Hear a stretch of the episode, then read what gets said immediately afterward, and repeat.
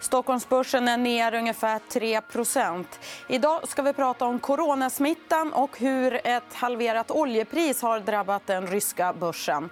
Du tittar på EFN Marknad.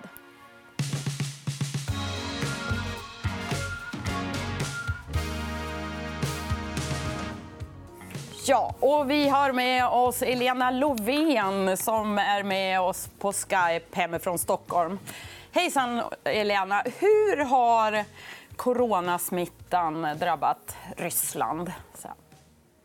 Hej, Petra. Kul att vara här. Uh, I morse var det kring 100 rapporterade smittade i Ryssland, inga döda. Uh, jag får dock uh, ställa mig lite tveksam till att det är totalt korrekt statistik. Vi vet att Ryssland är ett stort land och mycket toppstyrd. Och det kan finnas en anledning varför man inte vill publicera all statistik som finns. Men det är ganska låga tal.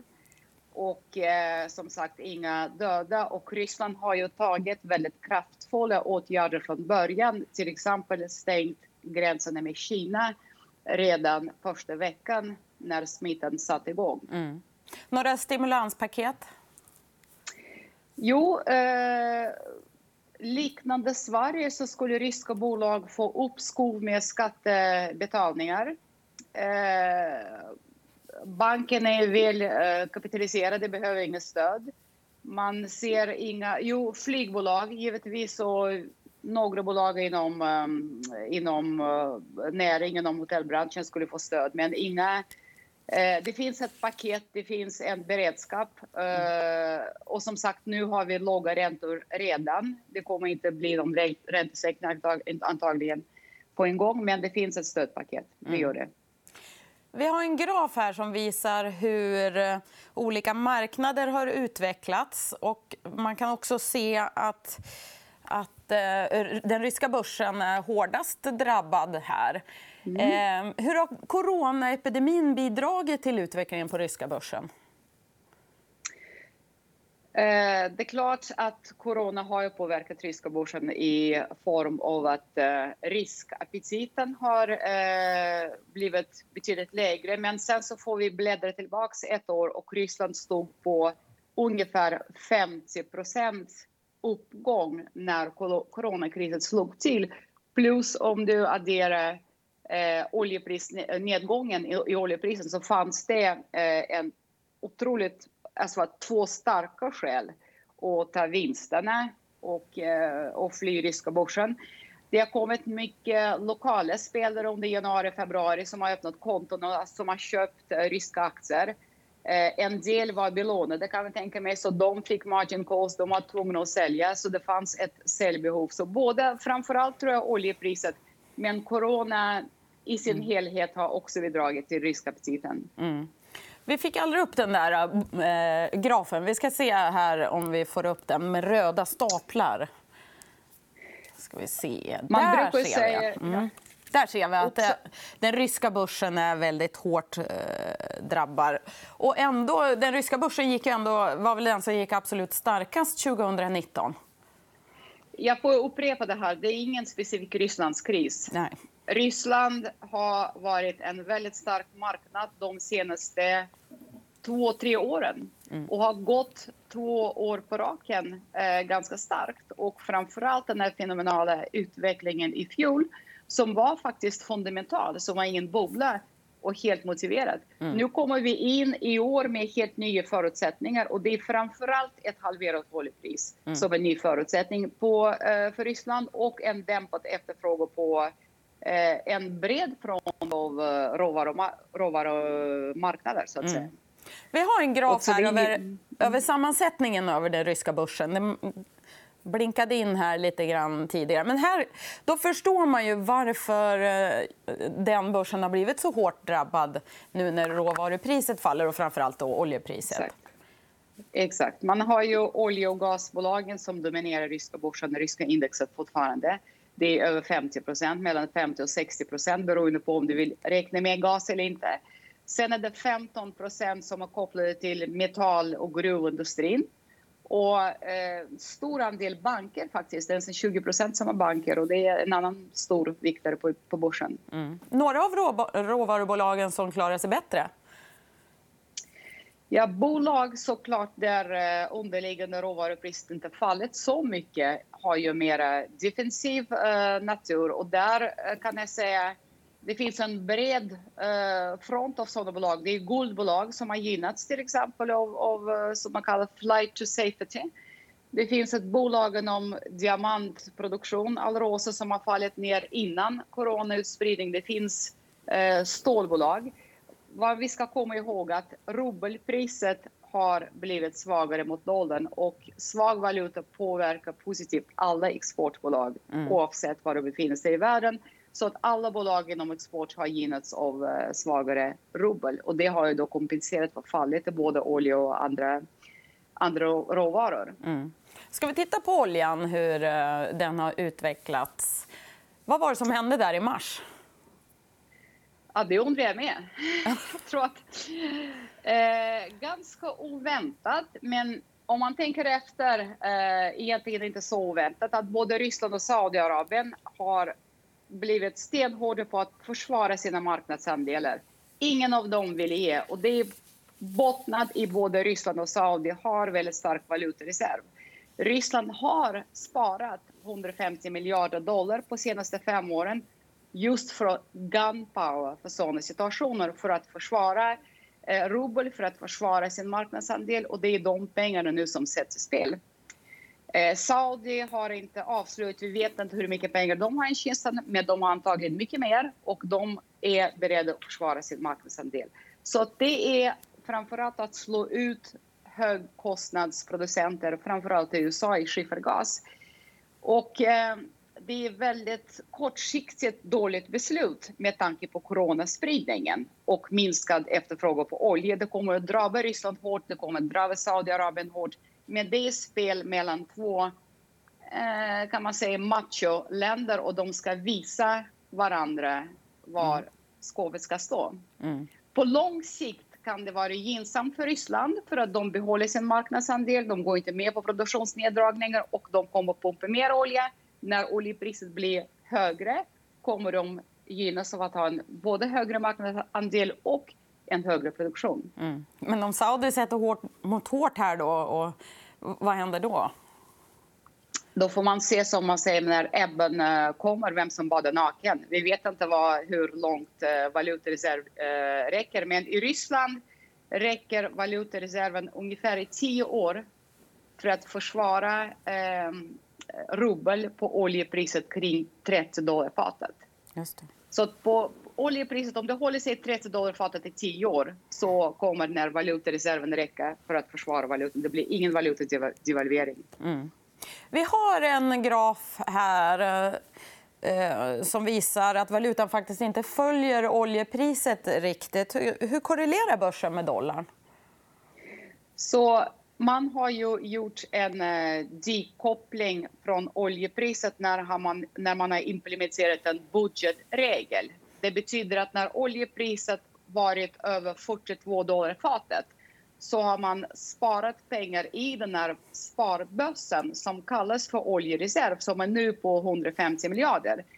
Och också när oljepriset är under 42, eh, 42 dollar fatet så använder man reserven för att för att uh, försvara rubel. Det betyder att man har sänkt volatiliteten och man har sänkt den här slaviska kopplingen mellan rubel och oljepriset.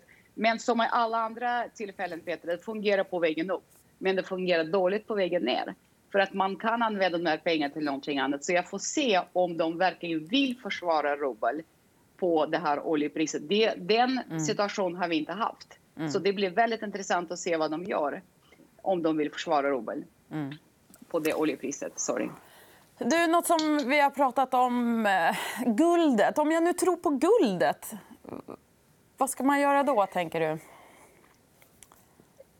Alltså, jag tror att guldet föll eh, väldigt kraftigt. Nu är jag inte specialist på guld, men jag tror att likviditeten har varit väldigt eh, ansträngd bland amerikanska investerare. Så de har sålt ner alla tillgångsklasser.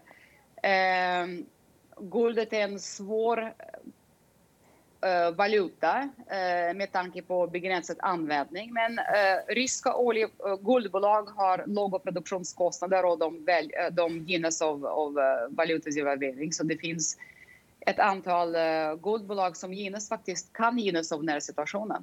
Mm. Om man nu tror på guldpriset. Mm. Ryssland har ju gått igenom många kriser. Bara under min tid som ekonomijournalist har man sett en par stycken. Eh, vad skulle du säga är skillnaden idag jämfört med låt säga 2008? Då? Väldigt bra fråga, eh, Peter. Tack för det. Jag tänkte säga det. Att 2008 föll oljepriset från 150 dollar fatet till 40 dollar fatet. Det var kraftigare fall än nu. Och Ryssland har mer eller mindre varit taget på, taget på sängen. Det var precis då när Ryssland har gått in i Georgien och, och det där kriget startades. Just för att Ryssland har räknat med det där eh, starka oljepriset. Och sen kom den här ned, nedgången. Men då var många bolag, oligarker, ägare överbelånade. Att de har pansat sina stakes i de där bolagen bland, bland annat västerländska banker. Deutsche Bank, andra banker. Och det har, det har varit en väldigt, väldigt ansträngd situation. Det såg man bland några svenska bolag, också börsnoterade bolag. Så man har haft en, en, en lånekris, kan man säga, en kreditkris har man haft. Och sen dess har Ryssland byggt upp en valutareserv och bolagen har betalat av i princip alla sina lån. Inom oljesektorn pratar man att de har betalat ner 23 miljarder dollar i krediter mellan 2015 och 2019. Mm. Oljesektorn i Ryssland, förutom ett bolag som heter Rosneft, är så gott som skuldfri. Mm. och de kan betala... Ja. Ja, ett mycket starkare Ryssland idag alltså, jämfört med vad vi har sett tidigare. Balansräkningarna på ryska bolag går inte att jämföra med situationen för 12 år sedan, mm. alltså krisen 2008. Det går inte att jämföra. Det är helt andra, andra mm. förutsättningar. Så när ska man gå in i Ryssland? då? Som överallt, Petra, när det är blod, på gatan. Det är mycket blod på gatan nu. Det kommer att finnas ännu mer blod. Men eh, frågan är den som prickar rätt eh, kommer att vara väldigt glad. Eh, det är svårt att säga med, eh, med coronaspridning. Det är svårt att säga med effekterna i världen. När, när vi ser vändningen i världskonjunkturen, när vi börjar se botten med spridningen och när vi ser siffrorna på hur mycket det har påverkat ekonomin i världen. Mm. Så tror jag Ryssland kommer att komma upp som en billig och högutdelande marknad igen. Förutsättningarna har inte förändrats. Det är stark makro, det är starka kassaflöden och det är höga, hög direktavkastning på börsen. Det är samma förutsättningar, men man mm. får dra ner det med oljepriset. Just det. Du, vi har ju fått höra här eh, nu att eh, Putin har varit inne och ändrat i konstitutionen. Han får sitta i två mandat till, till 2036. Vad betyder det, tror du, för eh, marknaden? Bara en liten tillägg där att det kommer, finnas en, det kommer ske en folkomröstning på det och den är planerad till den 22 april. Det är möjligt, jag såg precis nu att de skjuter upp det på grund av corona Eh, viruset. Eh, men just nu eh, tror jag det är snarare positivt än negativt för marknaden för att marknaden vill ha eh, business as usual. Han innebär en viss tråkigt men en viss eh, stabilitet.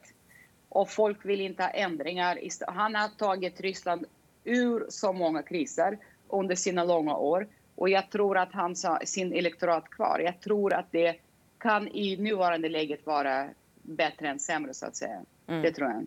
Mm. Okej, stort tack Elena Lovén för att du tog dig tid att vara med oss. Och innan... Tack så jättemycket. Tack. Och innan vi avrundar så ska jag också ta och bjuda på en liten extra karamell. Vår kära kollega Matilda Karlsson har träffat mäklarchefen på Aktiel på Handelsbanken, Mikael Malmrup. Och han berättar lite grann vad det är som köps och säljs idag. Lyssna här. Digitalisering eh, tycker jag är helt eh, uppenbart. Det är ju en, en, eh, en klyscha, men alla jobbar hemifrån. Och jag säger inte att alla som sitter hemma eh, och jobbar också tittar på Netflix, men jag tror ändå det finns en tendens att sitter man hemma och jobbar så, så ger man sig mer ut på nätet eh, än vad man gör annars kanske. Och då, eh, då finns det den typen av utbud. Det kan vara gamingbolag. Eh, där har vi Embracer, vi har eh, Paradox, vi har Stillfront som är ett fantastiskt bolag. Eh, och även... Hur har de tagit den här smällen? Då? Nej, men jag tycker I början så, så höll de uppe ganska väl och sen så fick de en rejäl skjuts neråt med allt annat. Och sen så nu de senaste dagarna tycker man börjar se en liten urskiljning igen. Att eh, ja, men vissa bolag kanske inte ska handlas ner lika mycket som, som resten, av, eh, resten av marknaden. Men, men jag tycker ändå förhållandevis dåligt har de klarat sig jämfört med den produkten de faktiskt säljer. Mm. Telekom har ju å andra sidan gått väldigt bra. Är det någonting du tycker man ska satsa på? Ja, men jag, jag förstår mycket väl att man tar det bettet. Mm. Hela den här intervjun kan du se på efn.se. Nu rundar vi av för idag. Imorgon gästas EFN Marknad av Oskar Karlsson. Missa inte det. Hej så länge.